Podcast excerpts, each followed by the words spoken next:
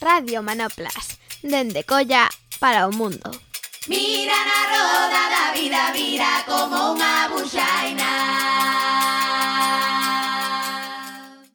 Benvidas a un novo falangullo. Lembramos eso, que eh, a comunidade dos podcast en galego está tirando por a palabra falangullo para referirse a, a estes produtos sonoros. Eh, temos un novo episodio, neste caso temos con nós a Diana Giraldez Monteagudo. Hola, Diana. Hola, boa tarde. Pois nada, eh, estamos con Diana eh, coa idea de pasar 25 minutos falando sobre educación en sentido amplo. Antes de comezar a entrevista, lle, lle falaba con Diana. Diana, no mundo dos estudios con, con papéis, estudiaches o ciclo superior de educación infantil e logo magisterio. Que pasou para que Diana con 18 ou por aí se tirara para estudar ou meterse neste mundo? Pois, bueno, non foi con 18, foi bastante despois, porque fixen outra formación que nada tiña que ver. Primeiro fixen unha formación que era como a que estaba prevista na miña familia, que tiña que facer, pero realmente non era o que me o que a min me motivaba ou no que eu creía máis ou me sentía máis cómoda. E foi cando despois de pasar por varios sitios, viaxando, e aprendendo de outra xente, de outras culturas, realmente me decidín por facer o que sempre quixen facer, pero que me tiraba un pouco para atrás, que era a educación infantil. Como xa tiña feito un ciclo e tiña unha experiencia boa, e pensaba que eso era unha vía rápida de acceso ao eido laboral, pois fixen un ciclo. E fixen o ciclo superior de infantil no Instituto de Chapela, e levei unha sorpresa moi grande, moi grata, porque pois o profesorado en xeral foi moi bo, excelente. Para min, de feito manteño relación con moito dese profesorado agora na, na miña vida diaria.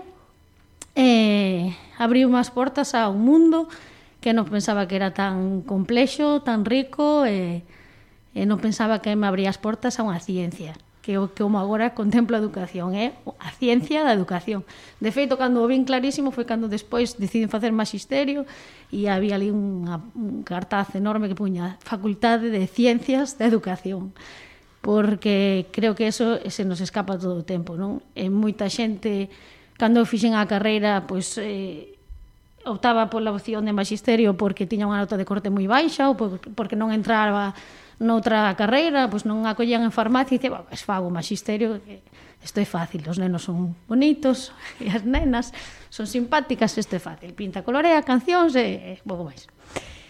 A parte de magisterio non foi tan gratificante como a do ciclo, aí sí que podo dicir que o profesorado, bueno, o sea, a parte de que podían ser persoas máis ou menos agradables, pois eh, a miña percepción é que estaban bastante lonxe do que era a realidade nunha escola no día a día, porque eu daquela xa traballaba nunha escola infantil e toda a teoría que escuitaba pois non tiña moito que ver coa realidade na que eu traballaba. E había moita teoría, moita teoría que se entendía como mm, totalmente certa e non había dúbida nin debate de moitas cousas que se dicían e pois eu tiña bastante que decir, pero como compaxinaba estudos con un traballo, pois realmente daquela non falaba tanto nin debatía tanto como agora e traguei bastantes cousas que agora non tragaría. Eh, contabas antes de, de comezar que traballaches no mundo da educación en diferentes, non? En diferentes lugares. Non sei se faz aí un rápido percorrido pola vida laboral túa e, e que aprendizaches extraeches de todo ese, ese mundo. Traballei cando era adolescente cuidando nenas e nenos que pasaban pois pola vila da que eu son, que son de Panxón, aunque agora vivo no fermoso barrio de Teis. E, e despois traballei en escolas privadas, traballei en Galiñas Azuis, en escolas municipais, e traballei na Escola Infantil da Universidade de Santiago de Compostela e agora mesmo traballo na Escola de Ensino Galego Semente. Antes de entrar en Semente, eh, algunha vez eh, te escoitei falar das condicións laborais do sector, non? Que é un sector feminizado, eh, precarizado. Non sei se a túa experiencia está nesa onda ou, ou escapa... Bueno, pasei por diferentes condicións laborais. Teño que dicir eh, moi sinceramente que non estou agora na mellor a nivel económico, pero sí que a nivel profesional, polo menos desenvolvo o papel no que realmente creo. E antes, anque, pois, por exemplo, na universidade hai un convenio propio que polo que se loito, loito moito e as condicións eran moi boas e no seu momento foi unha escola pois bastante eh, a, se, eh, a seguir, non? como exemplo do, do que se quería conseguir pero bueno eh, non sei eh, estou me perdendo eh, pase, eh, na, nas, depende moito depende pois eh, para min non, non é tan relevante as condicións económicas, senón como o ambiente de traballo ou realmente a motivación educativa ou pedagóxica e ese ambiente laboral en cuanto aos principios pedagóxicos, non?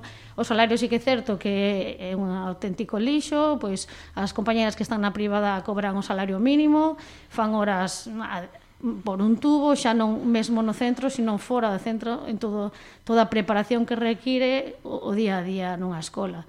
Eh, ademais, está considerada como unha profesión de mulleres exclusivamente, de cuidados, eh, xa non falemos de 03 no que se dá por feito que limpar cacas e mocos e cantar cantigas e pintar un pouco máis. E vai muitísimo máis alá. Xa simplemente polo feito de que limpar cueiros eh, cuidados, mocos, higiene é tan vital como pois acompañar nun momento emocional crítico ou a su, um, acompañar na leito escritura ou en calquer outra cousa. Eh, to, é como que o máis vital, o que está na base da pirámide, ten moi pouco valor. Quero creer que cada día eso acontece menos, pero non sei se é a miña percepción ou hai unha esperanza cando menos eh, eh, imos achegándonos a semente con isto nos últimos tempos sí que hai como un estourido de, no, de moitos proxectos non? que atenden a, a idades tempranas a meniños e meniñas é unha preocupación, polo menos por unha parte crecente da sociedade, por que tipo de educación se lle dá non? A, aos máis cativos, non? As, as cativas. E, en esas aparece en Vigo eh, unha escoliña, un proxecto que se chama Semente, para quen non saiba nada de semente, que é, en que consiste, porque existe a semente. A semente naceu, é agora mesmo unha rede de escolas de ensino galego, hai varias escolas semente por toda a Galiza, hai en Compostela, na Coruña, en Trasancos, en Lugo e en Vigo. Eu comecei na Semente Compostela, cando aínda estaban buscas as primeiras ideas do que podía ser aquilo, barallábase desde unha escola libertaria, a escola Montessori ou calquera cousa, que non sabíamos en que ia acabar finalmente acabou en ser unha escola nacional galega. Eh, chegamos, sabía, non sabíamos ben cal eran os puntos aos que, que íbamos confluir, pero sí que sabíamos o que non queríamos. Non queríamos unha escola tradicional, nin unha escola que discriminase nada. E fundamentalmente que garantira a lingua. Todas as persoas que estábamos ali, pois, ou viñamos de experiencias laborais nas que a lingua pois, brillaba pola súa ausencia, ou estiéramos en experiencias laborais nas que nos sorprendía que en calquera outra comarca, pois xa fora Cataluña, fora País Vasco, ou calquer outro sitio se lle dera valor a lingua e aquí por que non. Eh, había familias, había estudantes de magisterio como a min, había mm, xente que militaba pois en asociacións como a Xentaria do Pichel, que foi a que realmente impulsou esa iniciativa, e había de todo, había sociolingüistas, lingüistas, xente friki, había de todo. E desa motivación inicial, non? Así como na centralidade á lingua, en que derivou no, no camiño da semente ou das sementes en, en que se concretou a, a lenda da lingua, non? O primeiro era a lingua, eso non había debate, era a única cousa que non se debatía, e o seguinte era a laicidade, non ia ter ningún ninguna connotación religiosa respetando calquera das que puderan aparecer. Outra cousa moi importante eh, era a coeducación. Mm, eh, parecía nos fundamental que, bueno, pois logo se delimitaron con certas eh, cousas como espazos, materiais, etc, pero que tiña que respirar un ambiente coeducativo. Eh, outro dos puntos era mm, que se mexera co barrio, que fose unha escola real, que non fose un gueto Eh, que máis cousas? Deixome, sempre me deixo os principios atrás, son como seis, seis, pero no sempre te, me queda algún non atrás. Sabes, non sabes a lección. Eh. Realmente son moitísimos máis, non? Pero que sí que se decidiu que, que calquera persoa, calquera asociación, colectivo que quixese sumarse ou abrir unha semente calquer outro punto do país, tiña que cumplir eses mínimos. Pois para que non pasara cousas como a que pasa agora, non? Pois Escola Montessori, eh, sí, como, por qué, non? Realmente, un calquera movimento, calquera pedagogía nace nun espazo concreto, nunha época concreta e por uns motivos concretos, non? Eh, non tería moito sentido pois coller semente e facelo, non sei, en Navarra, se non fose, pois ten que cumprir un, unhas necesidades, non? A necesidade aquí calera. Moitas crianzas, eh, moitas familias, perdón, xa tiñan crianzas, xa foran a algunha escola e o que estaba acontecendo é que voltaban a casa falando español. Eh, ante a sorpresa das súas familias que nunca concebiran tal posibilidade.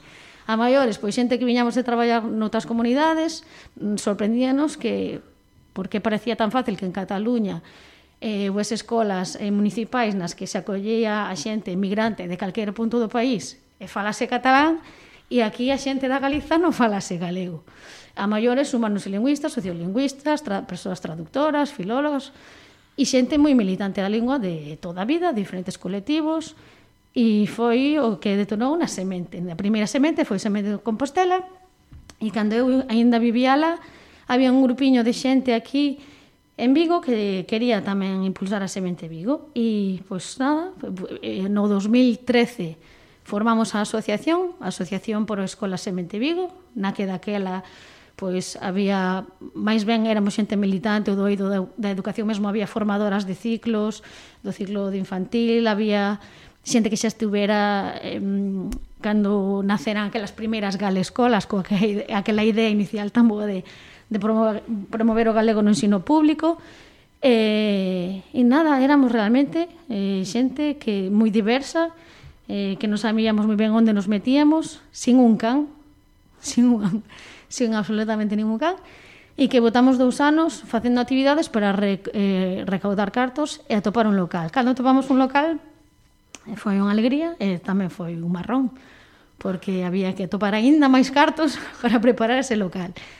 Eu teño que dicir que personalmente para min foi antes e un despois de mm, do que supuxo para min a confianza no povo galego eh, porque apareceu xente de todos os puntos do país e mesmo de fora que nin coñezo o día de hoxe aparecían aportacións pois de alguén que estaba en Alemania que nunca lle vin a cara ou de repente aparecía un camión cheo de cemento eh, non sei eh, tixolo e eh, area para levantar muros ou xente supernova eh, que non coñecíamos de nada que vira no Facebook que facía falta botar a man para recebar paredes pero xente con eh, con muletas, coxa, eh, embarazada, xente que xa quería meter os nenos e non había ni siquiera chan. Para min, a verdade que era foi agotador, porque eu traballaba a Compostela, viña os fins de semana a traballar aí, e eran moitas cousas, non era só local, eran papeleos, eran actividades para sacar cartos, pero era tanta ilusión e tanta esperanza de moitas desas familias por atopar un, un espazo onde as súas crianzas foran felices na súa lingua, querendo o que son, que pois traballábamos como animais para sacar iso adiante e saiu.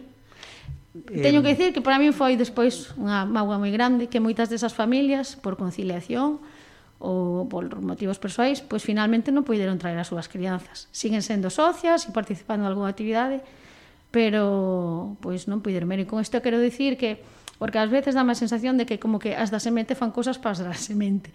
E non é así, hai moita xente descoñecida xente que non ten crianzas xente que o deu todo e non o pudo eh, beneficiarse xente que aparece nova, que está de paso xente que leva anos, como a min, pois hai de todo. É moi diverso.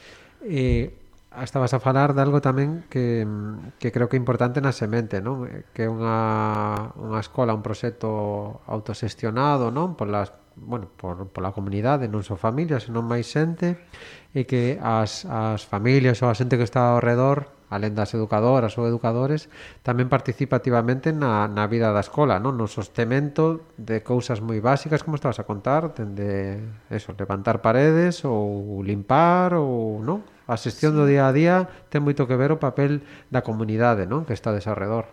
Exactamente, de pois eso, dende que rompe unha cousa na horta e alguén ven a mañala, ata que unha veciña topa contos dunha neta que vivía ali e non los dá, ou nos debollamos millo e levamos yo un veciño para as galiñas, eh, é un facer de todas para todas.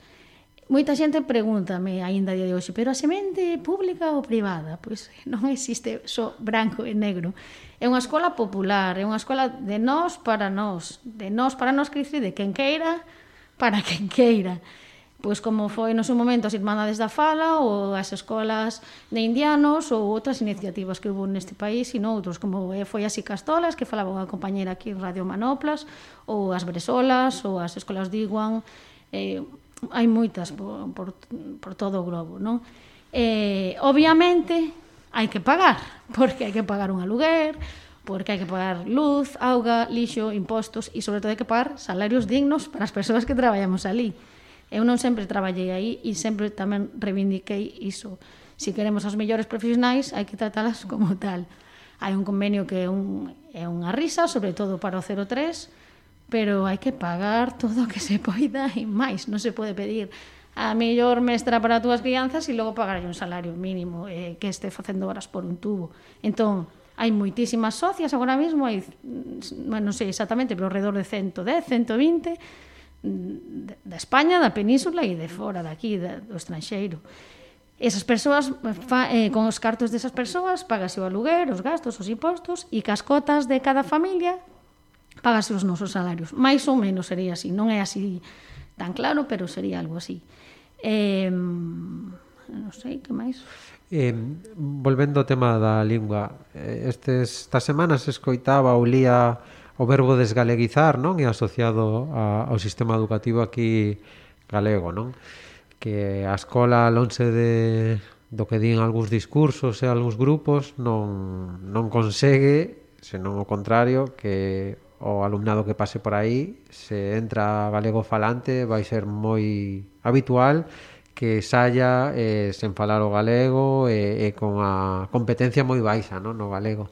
Eh, nestes anos de semente, esa experiencia coa lingua, que sí tamén que non sou o galego, porque algunha vez escoitei que incorporades non outras linguas, Como vedes a situación dende o teu traballo ou dende a túa vida?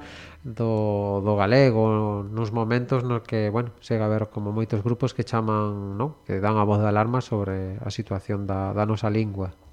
Pois varias cousas. Eu non quero ser pesimista, pero sí que veixo que que desgaleguiza a escola o 100% e en moi pouco tempo. Incluso diría que cada vez en menos tempo.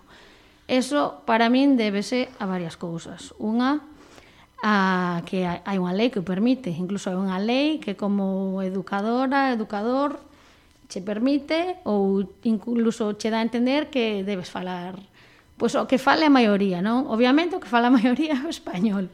Entón, con esa lei na man pouco podes facer. Moitas veces incluso o profesorado é acusado de saltarse a lei e de e é certo, non? Porque realmente como vas a, a eso, se hai esa lei que che di que a maioría fala, se si fala español, tens que falar español, que hai que ser bastante valente para decir, pois pues, ben cumprir a lei, creo que hai que educar en galego e vou non facer, non? E esa moitas veces eh, pois nais e pais que están agora na semente e en algún momento foron a como a pedirlle contas a, a educadora responsable e dicían, non, é que mira, a min todas as crianzas me falan castelán, teño que falarlles o que me falen. Eh, a túa en concreto fala galego, falolle cando podo pero que eso non serve, porque non estamos nun contexto de igualdade, nin a nivel lingüístico, nin en moitas cousas. Despois, tamén penso que a formación de moitas educadoras, tanto no ciclo como magisterio, pois é precaria, non se lle dá importancia á lingua, dáse importancia pois a que controles mogollón de Piaget, de Vygotsky ou outros pedagogos ou a, a que saibas moito de teoría, pero cales son os valores que logo na, no día a día tes que inculcar, aparte de de, de toda esa teoría. O sea, que é o que lleva as crianzas no día a día? Primeiro, eu entendo agora neste proxecto que é entender de onde és e que valores ten o lugar ao que pertences, dende o bairro, a túa casa, a cidade, o pobo, vila, o que sexa e, e todo o que veña despois, non? Pois tes unha, unha lingua, tes unha cultura tradicional, unha música, unhas danzas, tes uns paxaros en concreto, tes unhas árbores, mm, tes unha vestimenta, toda, todo iso Eh, en ningún momento, ou polo menos na miña formación, se viu reflexado. Algúnas veces sí, pero sobre todo no ciclo, era como máis próximo á realidade, pero na carreira non. Parece que, que da, sais de aí para dar clase, pois, pode ser en Madrid, pode ser en Ámsterdam, porque non hai contacto ca vida real. E, te, e eu, unha vez que acabei, pois sí que me din conta, sobre todo despois de estar en Cataluña facendo prácticas, que eu alucinaba de todo o repertorio, por exemplo, de cantigas tradicionais catalanas que podía saber unha educadora ali. E cando traballaba aquí, por exemplo, nas galescolas, non sabíamos, e me incluo, porque eu sabía algunhas, pero moi poucas en comparación, un 1% millor. Pois non, eso, eh, non sei que escola eran que decía así en Suiza ou Suecia, non recordo, que decían que unha educadora non aproba se non sabe cantar, coser, eh, tocar un instrumento e non sei, pois que casi me parece máis básico, non sei se coser ou o que fora, pero como cousas do día a día, pois eso, saber transmitir as túas raíces. E que se nos escoita alguén que está aí machando, poñendo pegas a este discurso, que, que nos aporta como povo, como persoas, ter un coñecemento e un manexo da nosa lingua e un coñecemento non de, de da realidade galega, da realidade máis próxima, ou por que é necesario botar a millada a, a ollada aí e, e meter forzas niso? Antes de nada, por si se me esquece, quero decir que todas as persoas que estamos en semente e que que iniciamos isto ou que seguimos aquí, todas confiamos na escola pública e a todas nos gustaría que non tivese que existir semente porque a pública non garanta este tipo de cousas. Por qué? Porque se ti te sintes orgullosa do teu, se ti estás eh, descoñecemento e sabedoría do teu, abres as portas a todo o demais.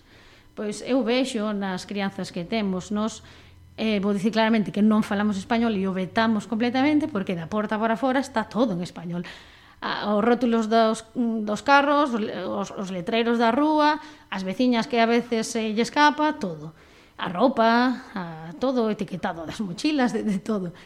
Eh, pero sí que se dá cabida a moitísimas linguas e hai moitísima apertura mental en canto a iso, pois temos sab, saben incluso falar algunhas palabras clave ou eh, eh, recitar, cantar cantigas en, en euskera, en esloveno, en catalán, en lingua de signos, en francés, en inglés, non porque a nós nos dea gana, senón pois porque en algunha ocasión tivemos familias desas procedencias ou porque houve curiosidade e pois por que se fala esta lingua? Onde? Pois igual que é importante para min falar galego porque vivo aquí, é igual de importante eh, saber Wolof si es mm, de Senegal ou eh, pois euskera se es do País Vasco. Eh, abre, abre as portas a todo. Primeiro a ti, a estar segura e ter moitísimas coñecementos e ai, non sei como decirlo, pero pois sentirte identificada co que vives no día a día, non? Pero aunque, anque te queiran manter a marxe de que somos galegas ou de que hai unha tradición e unha cultura que non quere dicir que todo sexa bo e haya que seguir reproducindo, eh, é un orgullo e vende algo e ten un porqué e facer como iso que iso non existe pois descontextualiza bastante. E ao final, cando te moves polo mundo, atopas moitos puntos en común tamén Sobre todo, eu, eu personalmente, pois a lingua, por exemplo, cando fui a Cataluña nunca pensei que ia aprender nunha semana e media catalán, e que se parece moitísimo co galego. E cando vas a calquer país e a música, pois dis, ai, que, que parecido este ritmo e ten o mesmo orixe, pois, pois por mellor unha muiñeira, pois en aquel sitio tamén a moia muiños, a, a, o ritmo ven do mesmo sitio, únenos, as culturas que tan diferentes nos parecen, únenos moito. E se te respetas a túa propia, es que han de respetar cualquier outra eh, imos aí rematando. Antes comentaches algo que me, que me evoca algo que tamén quería falar. Estes días li aí na, na prensa eh, as letras de Ani Pérez, que é unha, unha pedagoga que sacou unha tese na que chamaba a atención sobre a cantidad de proxectos nos últimos anos, non, de pedagogías Montessori, de pedagogías alternativas, non directivas. Eh, falaba tamén de, de como interactuaba ou como esas escolas que son ás veces proxectos moi pequenos eh, que teñen ás veces un sesgo de clase bastante bastante marcado que eh, bueno que estaban actuando sobre a escola pública e que estaban acentuando en algúns casos desigualdades que xa a propia sociedade e o sistema educativo mm, eh, xenera. Estas escolas e estes proxectos tamén estaban eh, marcando iso. Creo que é importante tamén eh, chamar a atención sobre como estes proxectos eh, dialogan coa sociedade. Eu sei que aquí no barrio de Teis tedes non? moita relación coas veciñanzas, pero esa tensión entre ser unha illa non cuns principios e cuns valores bastante claros, con dialogar ou como interactuar tanto como sistema público como coa veciñanza, co, coa contorna, como se vive, como levades? Eu penso que a única barreira que podemos ter agora mesmo é a lingua, porque sí que é certo que eh, sería como a criba para entrar na nosa escola, non? O que non quer dicir que non haxa xente que entre sen unha intención de darlle importancia ao que para nós é o primordial. A nosa escola ve moita xente porque temos horta, ou porque non temos fichas, ou porque sabe que temos unha ratio baixa e vamos a atender mellor a súa, a súa crianza.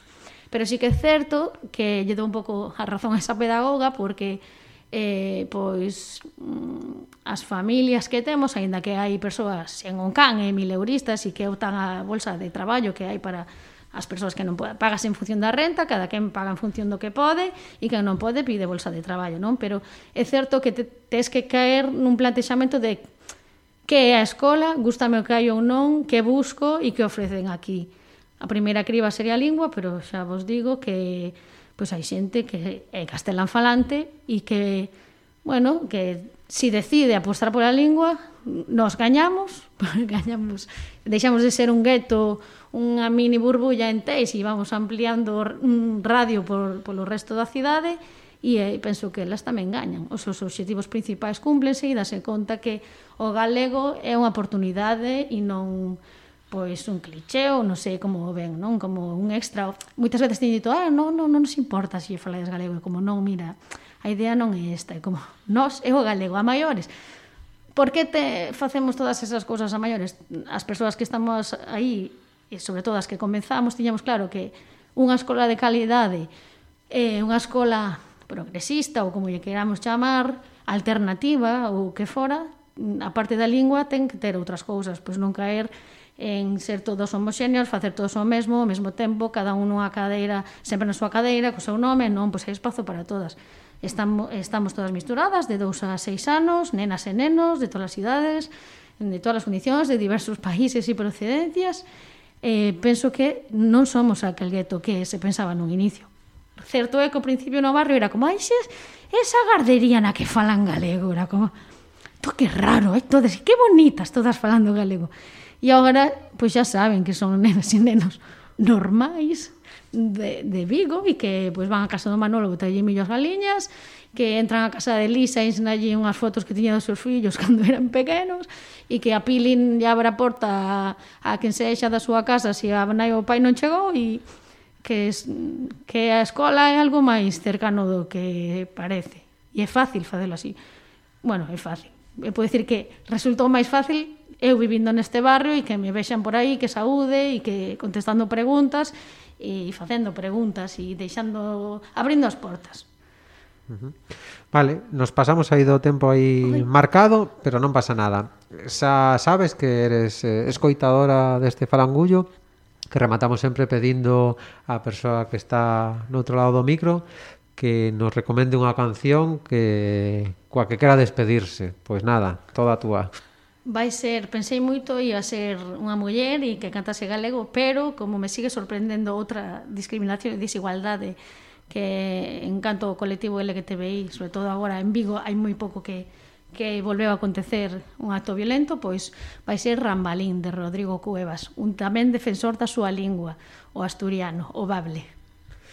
Bueno, pois quedamos escoitando a Rodrigo Cuevas e nada, moitísimas gracias Diana por compartir este rato con nós. Ata logo. A vos, chao. Rambal era una cosa mítica en Gijón, ¿no?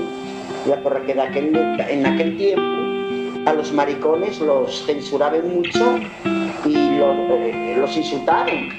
Y Rambal es un mito encima de Villa, porque todo encima de Villa lo quería Rambal.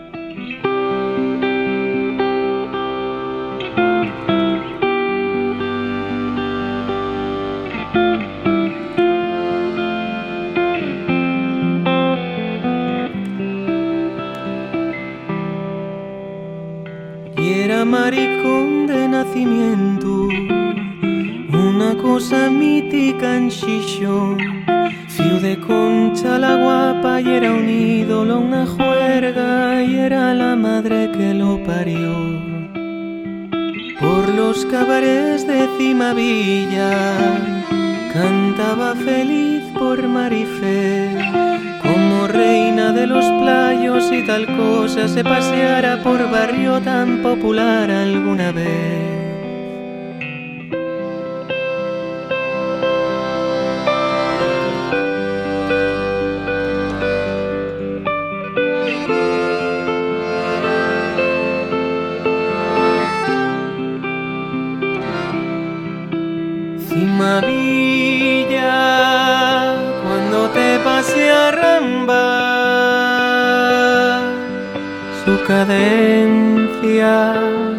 Y marca el ritmo a la mar. Cima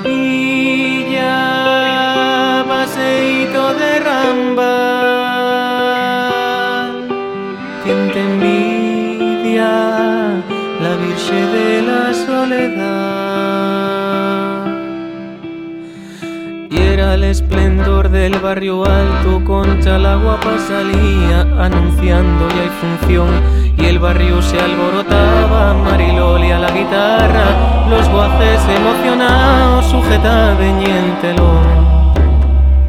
Que al abrir había una gran pamela, tras la cual se escondía Rambal la tarábica y aplaude cara a Cristo, se escojona ante tal ostentación de libertad. Libertad, rambal, libertad, bien te ama. Libertad, rambal, libertad, bien te ama. No hay y difícil de algamar. Con cuchillitos de plata te la fueron a robar. Cuando al otro día nos enteramos que la habían matado. Quemaronlo, cortaron allí los pies, cortaronlo por aquí, quemaronlo y después de quemarlo, pues echaron agua que fue por los vecinos, lo conocieron porque cayó el agua abajo. Y cuando subieron, pues claro, no quedó ninguna huella. Luego llevaron una bolsa de plástico. La cosa quedó ahí porque fue un pez gordo, un pez gordo llamámoslo a un ricachón. María, cómo te llora Ramba, tu cadencia no y marca el ritmo a la mar. Cima Villa, ya no te pase a Ramba, está contenta la Virgen de la Soledad.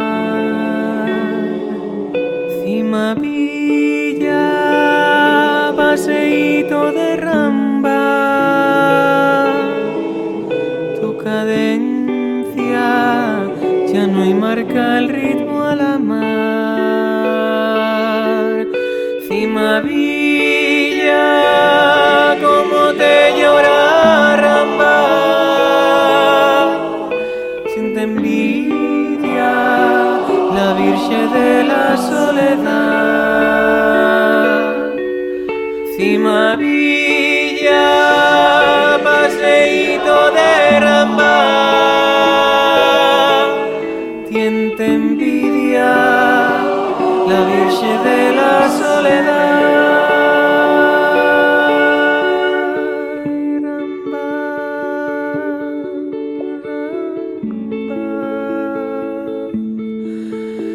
Ra